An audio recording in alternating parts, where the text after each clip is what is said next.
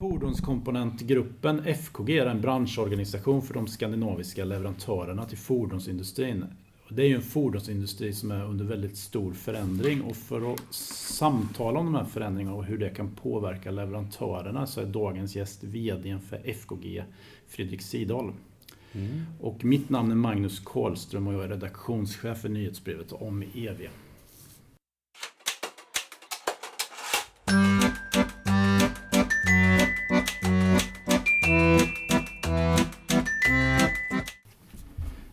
Nyligen var FKGs Automotive Strategy Seminar som man kan säga en sorts framtidsspaning. Och vad tyckte du var de viktigaste slutsatserna från det seminariet? Ja, alltså att vi, vi befinner oss i någon slags eh, våldsam eh, förändring. Och eh, det är klart, vi som är med på seminarier och lever i våran värld och är lite, är lite nördar kan man säga för framtiden. Vi har ju örnkoll på det här då, men vi hoppas ju kunna nå ut till flera. Och Därför bestämde vi oss för flera år sedan att eh, bjuda in leverantörer till någon typ av, vi kallar det för The Strategy Day, alltså strategidag. Mm. För att ge dem lite grann fakta eh, och sådär för framtiden. Hur, vad ska de planera, hur ska de tänka och så vidare. Va? Och eh, till ett sånt seminarium så brukar vi bjuda in då experter på spåkulor. Typ de här kända McKinsey och allt vad de nu heter. Ehm, men alltså jag tror att det har aldrig varit så, så osäkert. Eh, för det är svårt för, för oss att förstå det skiftet som är på gång. Jag har ju varit på där lite grann när jag har skrivit och, och pratat och sådär. Ehm, men jag tror det är viktigt att man, att man verkligen har örat mot rälsen och begriper att kunden idag är inte kunden i framtiden. Komponenten idag är en annan komponent med helt andra krav. Och sådär va. Det jag hade med mig det är sådana här häftiga grejer som, som släpps. Jag vet Peter Karlsson, alltså Batteri-Karlsson mm. jag brukar kalla honom. det är ett bra namn.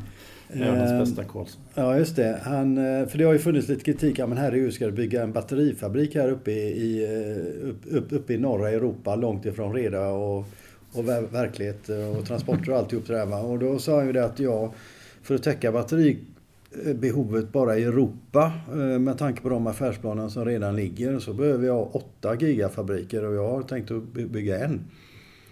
Eh, och sen kanske det finns den här rädslan för Kina då när man ska se det. Mm. Att, att, att det men då, då säger han bara så här att ja men 20, 2045 så, så ska det bara byggas elektriska fordon i Kina och där behöver man 28 gigafabriker. Så de har ju fullt upp själva. Absolut. Eh, så det finns lite utrymme för det. Och eh, sen kan man då lägga på det att eh, det är faktiskt så också att, att bygga en batterifabrik i Sverige är ju, är ju listigt för att vi har ju förhållandevis gott om energi, el. Det kostar mycket el att bygga batterier.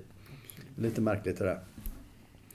Men så är det och vi har vattenkraft och det blir också rena batterier med låg, låg CO2 footprint som man säger. Va? Det kan ju vara en skillnad mot Kinas kanske? Ja, Eh, för att eh, om man eldar elen, eller man tillverkar el med kol så blir det ju kanske inte alls bra. Mm, Men vi kan komma in på det längre fram tror jag. Absolut. Mm. Jag tänkte, vi pratade ju om de här förändringarna och tog liksom i volymsförändringar med batteriproduktion då som är hisnande siffror i någon mm. bemärkelse. Mm. Om man har sett Elon Musk Gigafactory, den är ganska stor liksom rent fysiskt. Mm. Så blir man ju lite, ja det är mycket som ska byggas. Men jag undrar lite, hur, du har ju varit med länge i fältet och har så bra kontakter och, och med hela svenska näringslivet och fordonsindustrin. Och jag undrar liksom hur du ser på hur snabbt kan de här förändringarna gå egentligen? De här uppkoppling, elektrifiering, digitalisering och, och liksom, hur, vad är det för storleksordning? För, för det är väldigt ofta folk när de pratar om detta att det tar alltid tid och det går ganska långsamt och vi kan fortsätta ungefär som vanligt. Men om det är riktigt är distributivt så är det ju men det är tryggheten det vet du. Det är ja, tryggheten. Man förhåller sig till någon slags trygghet att det går långsamt. Och ja vi vet bara det vi vet. Va? Absolut, det är svårt att göra eh, Men å andra sidan så har vi sett andra teknikutvecklingar som nästan... Det går extremt fort. Eh, och jag tror faktiskt tvärtom att det går fortare mm. än vad vi nördar redan tror mm. att det kommer att gå. Ja.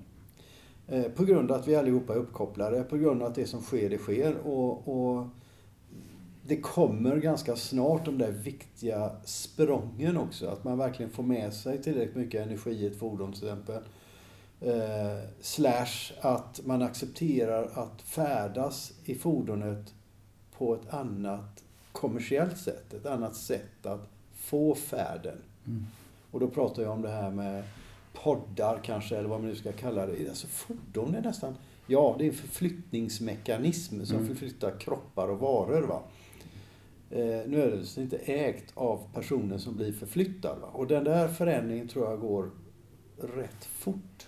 Du skrev ju en debattartikel om detta, eller en tankartikel. Jag vet inte Ja. vad du vill kalla den. Men, Han har eh, skrivit en del, och en del kan man säga då, en del skrivs ju för att väcka tankar hos folk. Så det absolut. behöver inte nödvändigtvis vara helt korrekt. Man- Man ritar nog gallfeber på en och annan. Ja, precis. Men du tog ju upp den här frågan om att eh, Volkswagen-koncernen då skulle satsa 70 miljarder euro på att göra elektriska drivlinor, eller elektriska bilar är det ju huvudsakligen. Ja, är det det kunden vill ha? Jag. Ja, ja, precis. Och då, typ, eh, temat var ju om det var pengar i sjön, för det kanske Mm. inte är liksom riktigt det som kunden vill ha. Hur, hur tänker du Nej, runt men det? jag tänker så här alltså att eh, lite grann som eh, Le Chauffour som gick ut i en debattartikel härom, Mm. häromdagen då i, eh, i alltså hela europeiska pressen. Det var ju inte bara Sverige. Nej, absolut. Eh, som jag själv fick förmånen att kommentera i GP just. Jaha, just det. Det läste jag. Just. Eh, och jag tänker, han tänker utanför eh, boxen, populärt uttryck. Men alltså han, han, han ser nödvändigheten i att för det första då att utveckla morgondagens helt annorlunda både affärs, affär med oss Mm. och transportsystemen, mobilitet. Och till slut ner på den där enkla saken, den fysiska fordonet eller podden Mm. eller vad det nu är för något. Va? Så krävs det samarbete över, helt över gränserna. Och, det här tycker jag så här, och dessutom så har jag en, en tanke om att är det så himla viktigt vad det då står på den här podden eller vad det nu är för någonting som flyttar runt oss, oss kroppar eller varor. Mm. Spelar det någon roll vad det är för varumärke? Det undrar jag. Jag ställer mig själv den frågan. Och man brukar dra den här parallellen. Fast när du, när du åkte buss till ditt jobb, har du någon aning vad det var för bussmärke då? Och, alltså de allra flesta man ställer frågan, de har ju inte en aning mer än vi nördar då. Absolut. De är inte så många på bussen då. Nej, Och, och, jag, och jag tror nämligen det kommer bli likadant om man transporteras en och en. Mm. Eh, Eller har möjlighet att man, man, man lånar. Utan det är snarare så för att uppfylla vårt eget ego. Eh, som vi har då, att vi vill ställa upp någonting på garageuppfarten som inte blir att ställa upp någonting på garageuppfarten.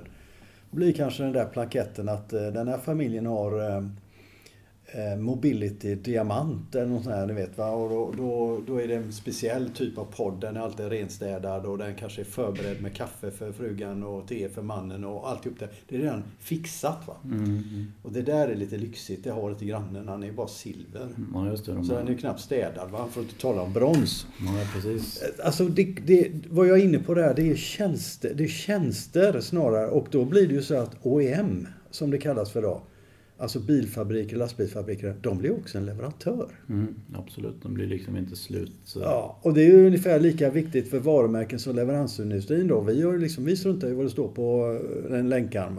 Mm. Det finns några undantag kan man säga då. Men i stor, i de flesta leverantörer de skiter ju i vad det står på, vad det är för varumärke. Eh, alltså för, som konsument betraktat. Va? Mm. Och sen, det blir nog kanske likadant för de som levererar tjänsten för flyttning. Och då tänker jag så här, då, då plöjer alltså Volkswagen ner hiskligt mycket pengar egentligen i varumärket. Mm. För det är ju det det handlar om. va? Mm.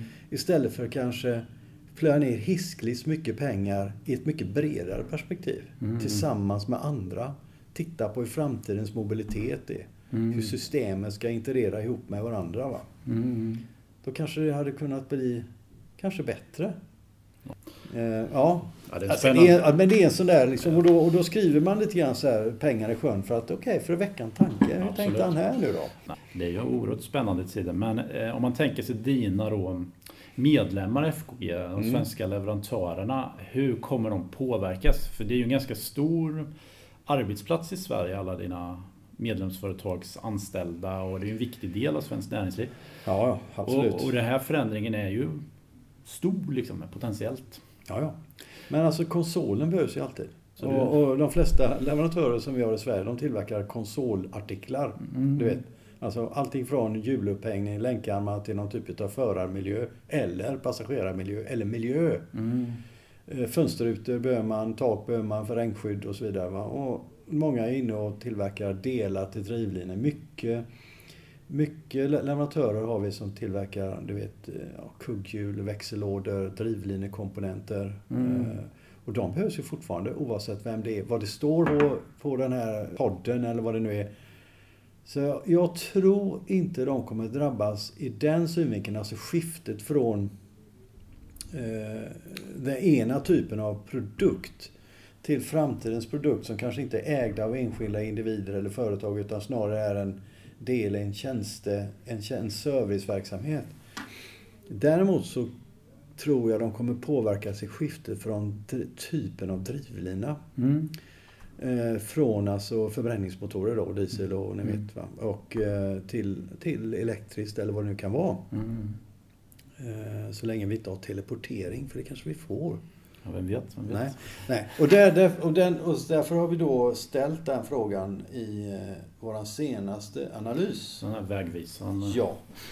Vad, vad svarar de då? Nej, och då har jag inte den klar än. Men Nej. jag har ju gluttat lite grann. Ja, för jag, jag har ju förmånen att kunna titta vad man svarar. Och vi, jag vill inte göra den publik förrän vi når ett så pass brett svarsunderlag så att den är statistiskt mm. säkerställd. Men jag vet ju också av erfarenhet, för vi har gjort några stycken sådana här, är att det ändrar sig inte sådär förfärligt mycket på slutet. Speciellt mm. inte om det är stora skillnader. Och det man kan säga idag då, det är ju att eh, det kommer att ha en väldigt stor påverkan den här elektrifieringen, alltså med drivlinor? Ja, skinn. alltså vi har ju leverantörer idag som tillverkar komponenter till en förbränningsmotor. Mm. Och då kan man ju undra vad de ska syssla med i framtiden. Samtidigt vet vi ju det som de som tillverkar en elektrisk motor. Det är oftast väldigt få företag. Jag har hört siffror på alltså, tusen och kanske ännu fler komponenter i en motor. Mm. Alltså en förbränningsmotor en eh, roterande elmaskin, alltså en elmotor, det är ju inte alls samma komponenttäthet och det är mm. oftast en enda leverantör som mm. gör alltihop. Mm. Så det kommer förändra, förändra ja, kartan över hur leverantörerna kommer jobba och mm. se ut och sådär. Mm. Men å andra sidan så kanske vi inte har, vi har den typen av leverantörer i Sverige de är inte så där förfärligt många, de är mera i Europa och eh, om man tittar på rena driv, drivsystem, alltså förbränningsmotor, så brukar det vara en av core business för OEM själva. Bygger ju så att säga sin mm. skrinda mm. kring en motor.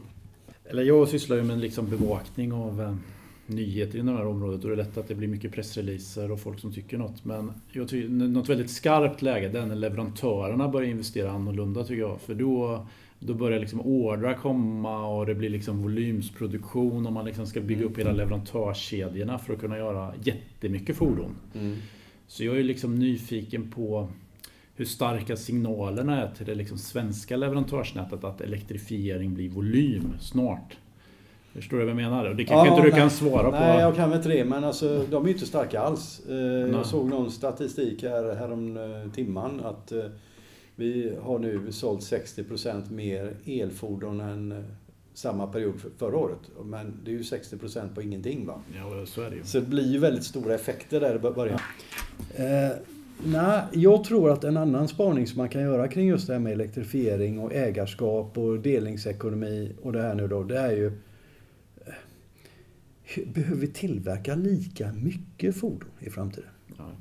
Ja. Det kan vi, alltså när, när alltså 95% utav fordonsparken hela tiden står parkerad.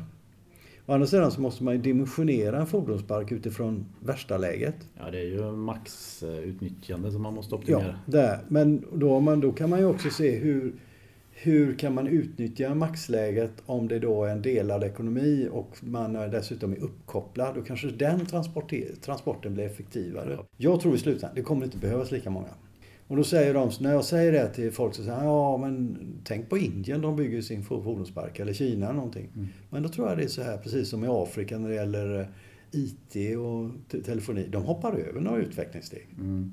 De har redan sett hur illa det gick, så, och de behöver liksom inte gå igenom alla de här misstagen och felen som mm. vi har gjort. Så jag tror att det kommer att tillverkas färre fordon, eller färre, helt enkelt färre av någonting. Men mm. jag tror att det kommer krävas helt andra Eh, det blir andra krav. Det blir... Eh, man måste kunna byta ut system, byta ut komponenter.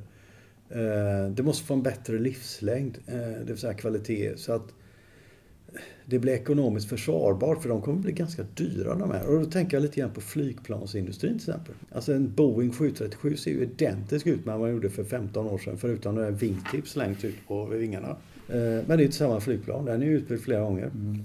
Eh, och, och så där tror jag det kommer bli. Mm. De här poddarna eller vad det är. Och då, det gör ju också att det blir inte lika aktuellt för varumärket. För du får inte den där nya designen vartannat år på någonting. Mm. Den är likadan ut. Då är inte det så intressant heller. Ja. ja jag förstår det. Ja, det är spaningar hit och dit Ja, va? det är spaningar absolut. Det är det vi pratar om nu. Mm. Jag, eh, det finns ju en aspekt på svensk fordonsindustri. Det är ju att det går väldigt bra för den. Eh, alltså mm. Scania, Volvo, Volvo Cars och leverantörerna går i stor utsträckning väldigt bra med högkonjunktur och mm. det finns Mm. Bra produkter också mm. som driver detta. Och det finns ju en risk då, men jag vet inte om du delar den, att eh, om man är liksom, att det går så pass bra att det kan vara svårt att göra förändringar. Det är lättare att göra förändringar i kris om man säger. Ja men så är det. Och då, nu går det ju väldigt bra och mm. det är väldigt stora förändringar på gång och då kan man bli lite orolig liksom mm. om, om mm. branschen inte liksom tar de här stegen som kanske behövs då, som man ser det på väg, möjligtvis. Mm, men därför måste du göra på tjafsa om det här hela tiden, högt och lågt. ja, så är Därför att eh, du har precis rätt. Det här är sämsta tiden att försöka tala om för dem att de gör fel grejer i framtiden. Mm. Eh, och dessutom är de ju fullt upptagna på att leverera det som ska levereras imorgon. Va? Mm. Eh, så, hmm, nej, men, men eh, vi som ser det här och kanske precis som du inledde idag, som är lite med lite här och där. Va? Man bygger ju pussel. Mm. Och jag är ganska övertygad om att det här, det här pusslet ser ut på ett visst sätt och det går rätt fort. Och det vill jag ju förmedla till leverantörerna. Nu är det ju så att de här leverantörerna, många av dem, det enda som kommer hända med dem det är att de får en mindre volym i framtiden om vi utnyttjar fordonsparken på ett annat sätt. Eh, men det här med elektrifiering exempel, det är därför jag ställer den här frågan i Vägvisan. För den, när jag släpper den till journalister så kommer det bli en nyhet och då läser ju folk den. Mm. När kommer den ungefär? Ja, vet inte. Jag hoppas om en 14 dagar eller någonting. Och då får det bli en pressrelease och sen så mm. brakar det väl löst. Va? Mm. Eh, så, mm. jag, jag tänkte på det här med, det är ju liksom att det går bra för Sverige då, men det finns ju en annan aktör då, som kanske har en annan roll i förhållande till fordonsbranschen i Sverige. Då. Det, är ju, eh, det är ju politiken då. Mm. och eh, vad, vad, vi kan göra samhällsgemenskap som inte mm. branschen kan göra eller inte vill göra. Eller så. Och då undrar jag lite hur du tänker i förhållande till vad kan svensk politik, eller alltså staten göra huvudsakligen tänker jag, för mm. att stödja den här omformningen och då är jag mer inne på det här hur näringslivet kan vara starkt. Det finns ju en aspekt liksom att samhället ja, ska ha effektiva ja, ja. transporter i Sverige och så. Jag är mest nyfiken på det här hur vi kan upprätthålla stark konkurrenskraft. Jag kan ju bara torrt konstatera att vi har gått ifrån en regering som tyckte att industrin var basically gone. Reinfeldt sa ju detta i Davos mm. Eh, strax innan eh, vi skiftade regering. Och vi har fått en näringsminister, närings och innovationsminister som han kallar sig också eh, som faktiskt har lyft fram fordonsindustrin och slår fasta på att det är en, det är en motor i svensk industri. Ligger i framkant, eh, konkurrensutsatt till tusen eh, och eh, en väldigt hög produktivitet. Eh, och den kan mycket väl vara en, en mentor för överindustri. Titta här, så här gör de, det kan man göra på annat sätt och därmed öka svensk industrikonkurrenskraft. Och den, den visan har ju vi på FKV sjungit ända sedan jag började. Mm. och det är ju egentligen det jag brinner för. Jag har ju, jag har ju fått en jag har fått en plattform utan partitillhörighet. Men som driva industripolitik i viss mån. Mm. Andra, alla kallar, kallar det här för lobbying men jag, det är ju mera utbildning. Alltså berätta, alltså om ni gör si så händer det. Eh, sen kan ni göra hur ni vill, men det brukar bli så. Mm.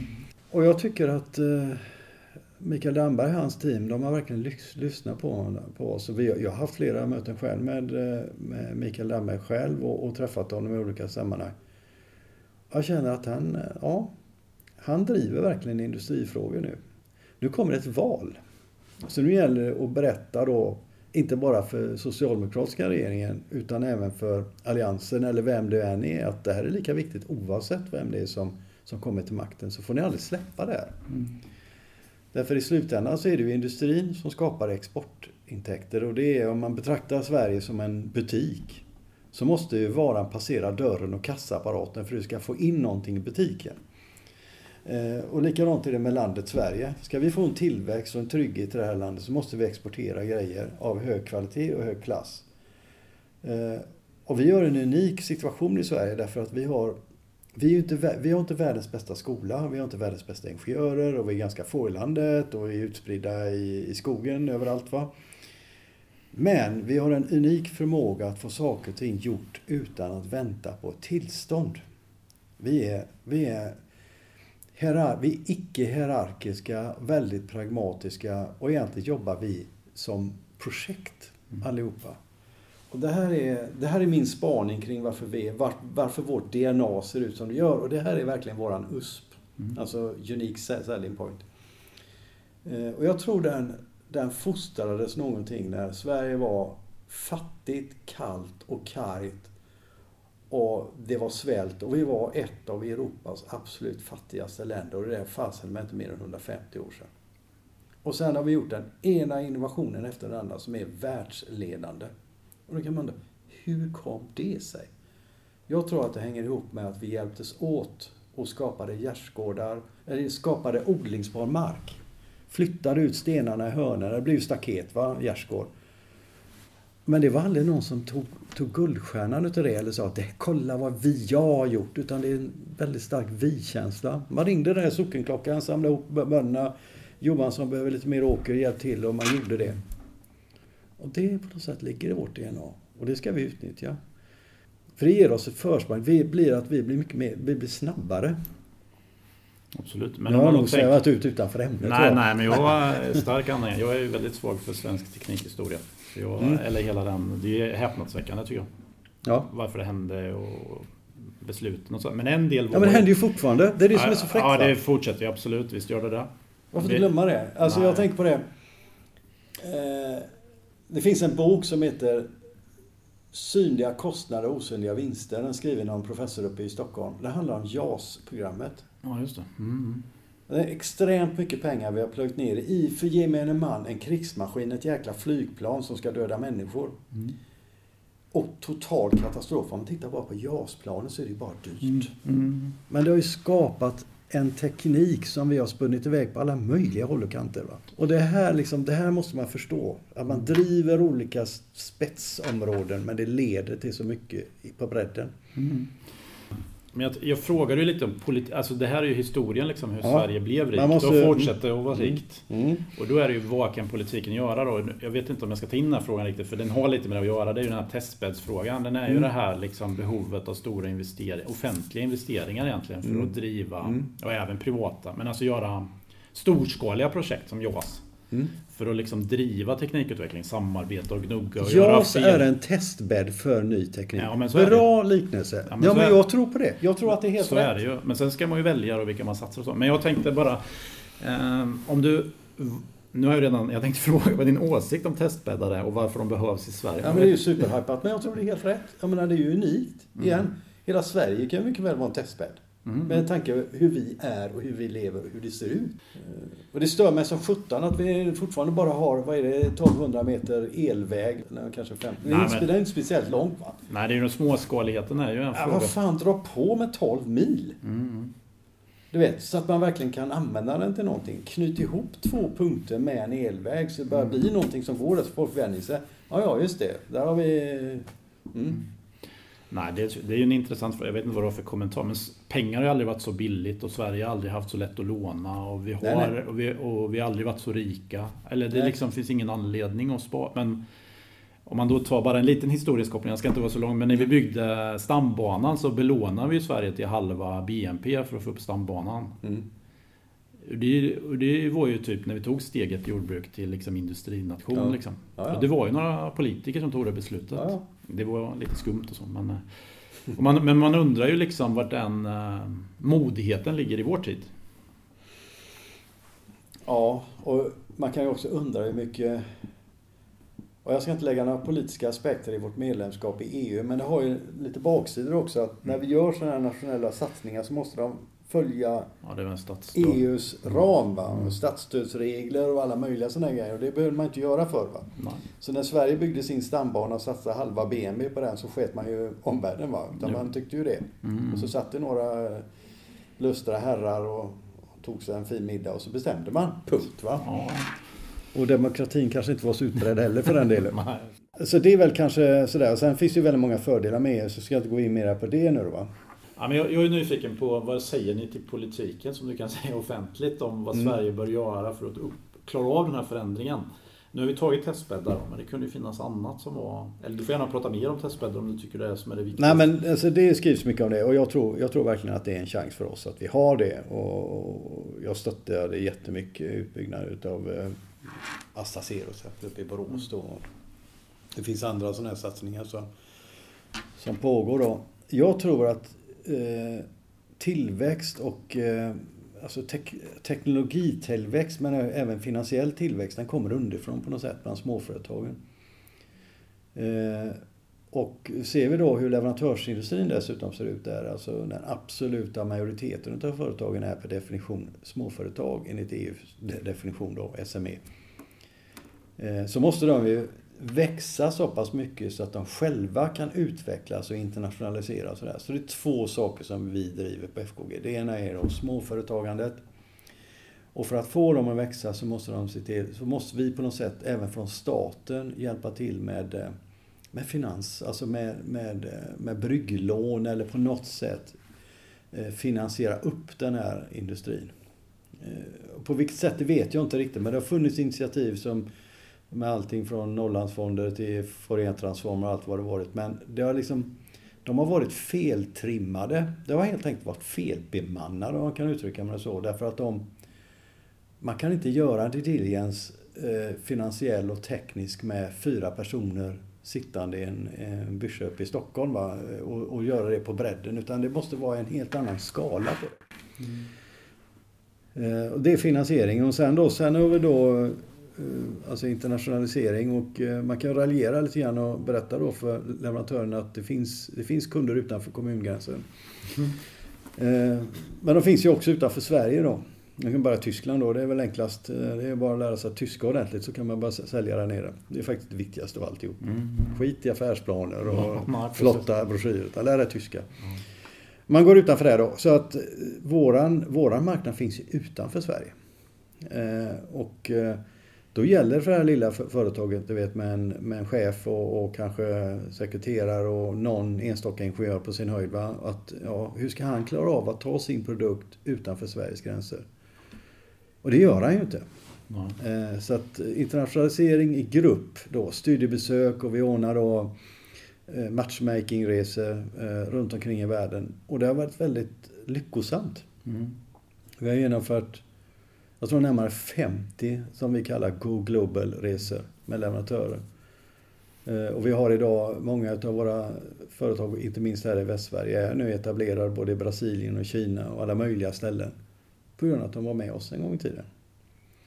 Och då har de skapat en affär där och då kan man ju undra, jaha, men det blir ju inga arbetstillfällen och tillväxt i Sverige. Jo, det blir det. För att vara leverantör till Volvo, Volvo eller Scania så måste man också vara leverantör till samma bolag när de finns i Brasilien eller Kina eller någon annanstans. Eh, Så det är att ta rygg på de stora där. Mm.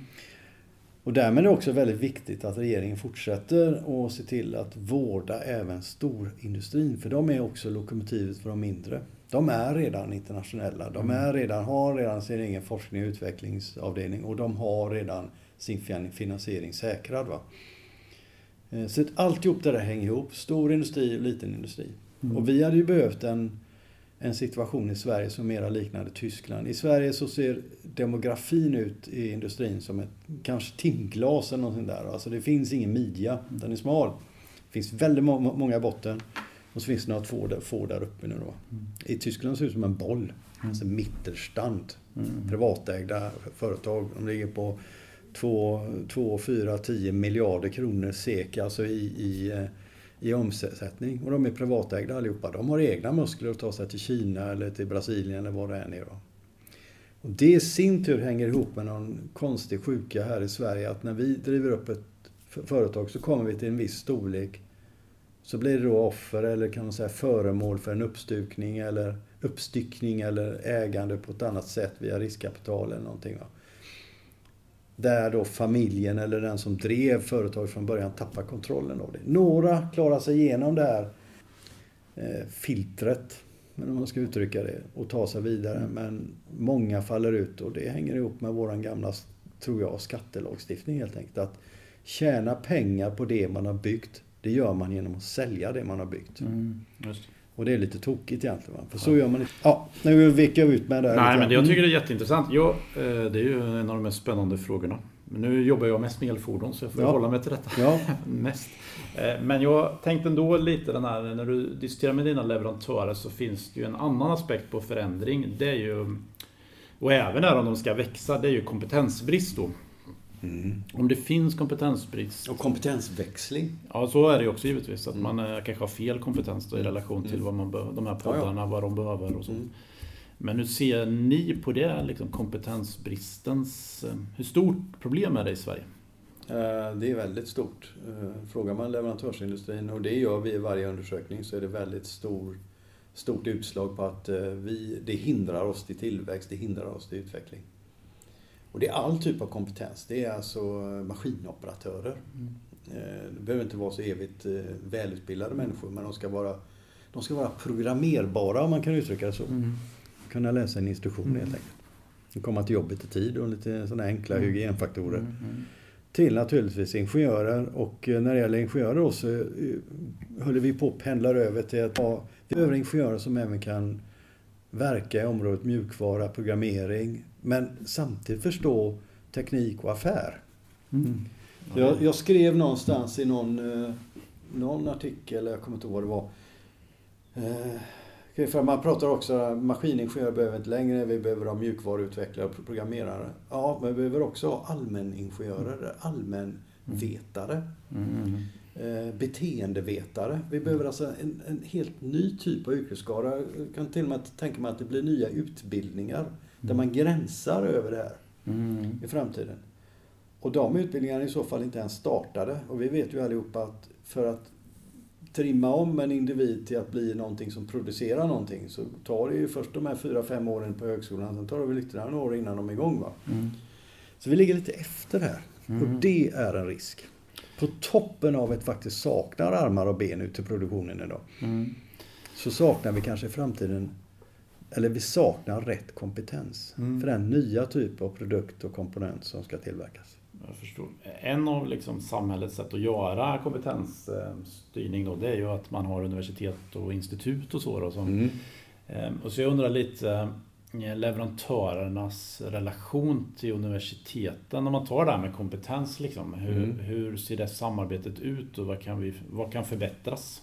Allt. Allt, okej, okay, det var ju enkelt.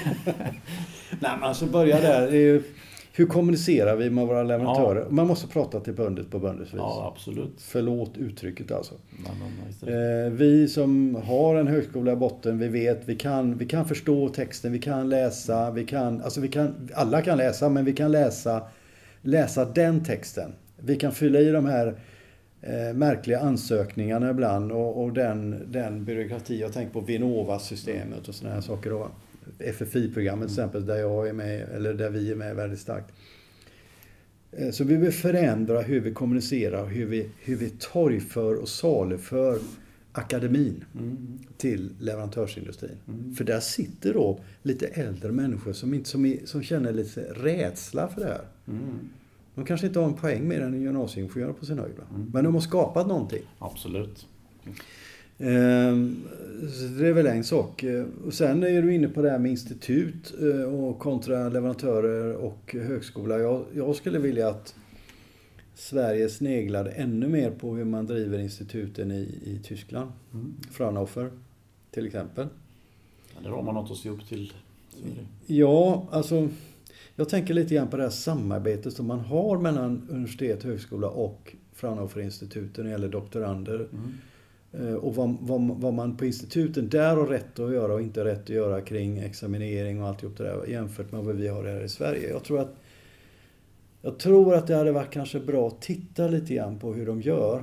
Eh, därför instituten har utgjort, när de har sett en brist inom ett visst ämnesområde så har instituten spelat en väldigt stark roll i, i, i Tyskland. Eh, och det har vi sett eh, genom åren. Och, eh, men här i Sverige så tenderar instituten, och vilket inte egentligen är fel heller, va? de blir en, de blir en, en resurs när det gäller provning, att driva projekt, att att snabbt få stöd vid teknisk utveckling där man är inne på ämnesområden man själv inte klarar av det. Va? Och där tror jag RISE och institutförändring som vi har här i Sverige är på god väg. Eh, I och med att vi har knutit ihop alltihop under ett enda paraply, RISE då. Det som är kvar är nu, om vi tittar på våran, våran sektor i industrin, alltså fordonsindustrin, eh, så är det att få till det här att det verkligen är en, ett ställe man vänder sig till oavsett vad man vill prata om. Alltså om det är materialkunskap eller, eller sammansättning, fogning eller, eller vikt eller, eller vad det än är. Så ska man ringa ett telefonnummer och gå in på en sida på hemsidan. Så här ser det fortfarande inte ut. För du kan inte... Vi vet vart vi ska gå. Eh, ibland. Men en leverantör i Småland, han har inte en susning. Mm. Han ser RISE, går in på hemsidan så är han lost. Och så mm. gör han inte det mer. Mm. Det får inte se ut så. Återigen, det är den kommunikationen på rätt sätt. Mm. På ett sätt så att det blir handfast och verkligt. Eh, och jag har varit med i det jobbet. Eh, och vi har, det här Mobility Office har jag varit med i och tyckt om och så vidare. Och, och eh, pratat om det här med receptionen har jag liknat det här Mobility Office. Det ska vara reception mot industrin. Mm. Så det finns, det finns saker att göra. Jag tror de är på rätt väg. Eh, och det kanske blir bra. Mm. Du, nu var du inne mycket på instituten och det här med liksom en, en enkel väg in och, och de är ju mm. mer liksom en resursperson. Eh, universitetet är ju lite annorlunda då, för de har ju också den här rollen att göra utbildning, liksom grundutbildning. De ska skriva läro, läroböcker. Ja, det, en roll är i alla fall det, mm. att utbilda mm. baskunskap hos ja, ja. studenter innan. Och så kan Forska de, det okända. Ja, precis. Mm. Men, Långt ner till TRL-skalan. Ja, precis så är det ju. Det är TRL minus ett. Ja, det, ja, det, ja kanske. Men, men en, en väldigt viktig del är utbildning också, utbildning av liksom personal och så. Ja. Som skulle kunna, men eh, hur kan man tänka, och du var inne lite på det här nya ingenjörsroller och nya hur skulle liksom högskolan behöva förändras i relation till hur de utbildar den då? Nu, har du, nu får du sitta, du är ju själv utbildad och liksom jobbat länge. Ja, jag var ju med under en tid i Kloka huset. Mm, mm. Um, det är Chalmers skulle... ja, huvudkontor. Ja, Eh, när man skulle forma om eh, utbildningen till 3 plus 2 år. Mm. Eh, och linea upp den med utbildning som ser ut utanför Sverige. Då. Och där, där hade jag väldigt mycket åsikter kring det här med att de måste, en ingenjör måste också kunna lära sig att sälja, sälja sig själv och sälja det man höll på med. Då. Alltså, det med, alltså man måste ha in mycket mer marknads, marknadstänk i sin utbildning. Då. Nej, hörru du, alltså jag tror att det finns fasta kanaler på hur man lyssnar på vad som behövs. Alltså behovsanalys för framtidens, framtidens kompetens. Mm. Oavsett vad det är för någonting. Eh, jag tror att den kan förbättras. Mm. Jag tror att den kan förbättras genom att utnyttja eh, kanaler ut mot, mot, mot de mindre företagen. Mm. För det är ofta att de stora etablerade företagen idag som, som är med och utformar tillsammans med politiken då naturligtvis. Då eh, utbilda de framtida utbildningslinjerna. Eh, men man kanske kan lyssna lite grann runt omkring också. Mm. Eh, sen har jag inget bättre svar på det förutom att jag vet att det är väldigt fasta strukturer. Om vi, jag tänkte då att du skulle få spendera pengar här också då. Mm. Jag tänkte, Hur mycket då? jag har frågat eh, alla jag har frågat om den här frågan förut brukar säga att det är för lite pengar. Men jag tänkte en miljard om staten säger så här att ja, nu, oj, oj, oj, vilka förändringar som är på gång. Orkar Sverige göra detta? Eh, vi måste sätta av liksom en stor pott pengar för att eh, orka med den här förändringen, bli mer internationaliserad. Vi har ju hela den här, liksom, som vi inte pratat om, den här flytten till öst och så. Vad i all sin dag ska man lägga pengarna för att få mest liksom... TFI. Teknik för invandrare. Ja, ja det tycker jag. Okej. Mm. Alltså, oavsett vad vi tycker om det här nu så är det ett faktum att vi har väldigt många utlandsfödda yngre människor i Sverige. Och de finns här nu. Mm. Eh, jag tror att vi har fastnat i spåret svenska för invandrare och eh, vi har fastnat i, i att försöka hitta nästan teknokratiska modeller för att eh, integrera individer i vårt samhälle. Samtidigt är det väl så att de flesta av de här eh, faktiskt vill komma ut i industrin. Jag tänkte på den tiden när jag var ung och jag hade mitt första sommarjobb på Volvo. Det är ungefär samma veva som det var greker och italienare överallt. Va? De gick ju fasen ingen svensk utbildning. De satte sig alltså och jobbade med en gång. Och då kan man tänka sig så här då. De, det är ju ändå länder som inte var så långt ifrån Sverige. De här länderna som finns här nu där vi har importerat armar och ben. De kanske är så långt ifrån så att där får man sätta lite grann att det här är teknik i det här. Liksom. Mm. Lite, lite andra regler till oss i Sverige. Men just teknik för invandrare, om vi har satsat en miljard på det. Det vill säga en, en alltså någon typ av skola. Praktisk, eh, kanske teoretisk också. Jag vet inte hur mycket teori man kan pumpa i en individ som inte har läst någon teori överhuvudtaget. Då, men där är alltihop i samarbete på något sätt. Och tona ner språkkunskaperna då. Och eh, låta de här individerna täcka det enorma behovet vi har. Så tror jag resultatet har blivit väldigt mycket bättre än att vi inte har gjort det. Så där har jag satsat min miljard. Mm. Jag vet inte vad SFI kostar, men det kostar mer än en miljard. För Ja, det gör det. helt garanterat. Men du kan ta mer pengar om du behöver. Det verkar intressant politiskt förslag tycker jag. Eh, är det något annat? Eh, jag tänkte vi skulle försöka liksom avrunda det här samtalet lite Mm. då. Och det, vi har hoppat lite fram och tillbaka. Här. Men är det något du känner att du skulle vilja säga? Om... Det säger alla journalister. Ja, jag vet det. Du kan hoppa över det. Men jag känner, jag har ju ställt mina frågor. Nu får du chansen att tänka fritt. Det är Ja, men alltså, jag läser ju ditt, eh, Ja. ditt brev med Ja. glädje. Och det ger mig väldigt mycket inspiration. Ja, det tackar vi för. Eh, och jag tycker, hur, hur kan vi, du och jag och alla andra som håller på så här, som har skaffat oss någon typ av arena där vi kan tala kring, eh, kring sådana här frågor. Hur kan vi bli ännu bättre på det? Det är. Det är fint. Ja, men nu, nu kan jag gå till... Nu svarar jag typ. Ja, Men det jag ju- frågar dig. Ja, ja, det är bra. Eh, För jag, det är ju en sak att upprätthålla liksom diskussionen i den här grupperingen som tänker på de här frågorna hela tiden. Mm, det är eller- 200 samma människor. Ja, ungefär. Eh, Och så finns det liksom en industri, människor som jobbar i den här industrin som påverkas och som tänker på det. Men, men det finns ju stora grupper liksom som inte riktigt är inne i samtalet som jag tror liksom har eh, Mm. Sverige har mycket att vinna på att de skulle komma in tidigare i samtalet.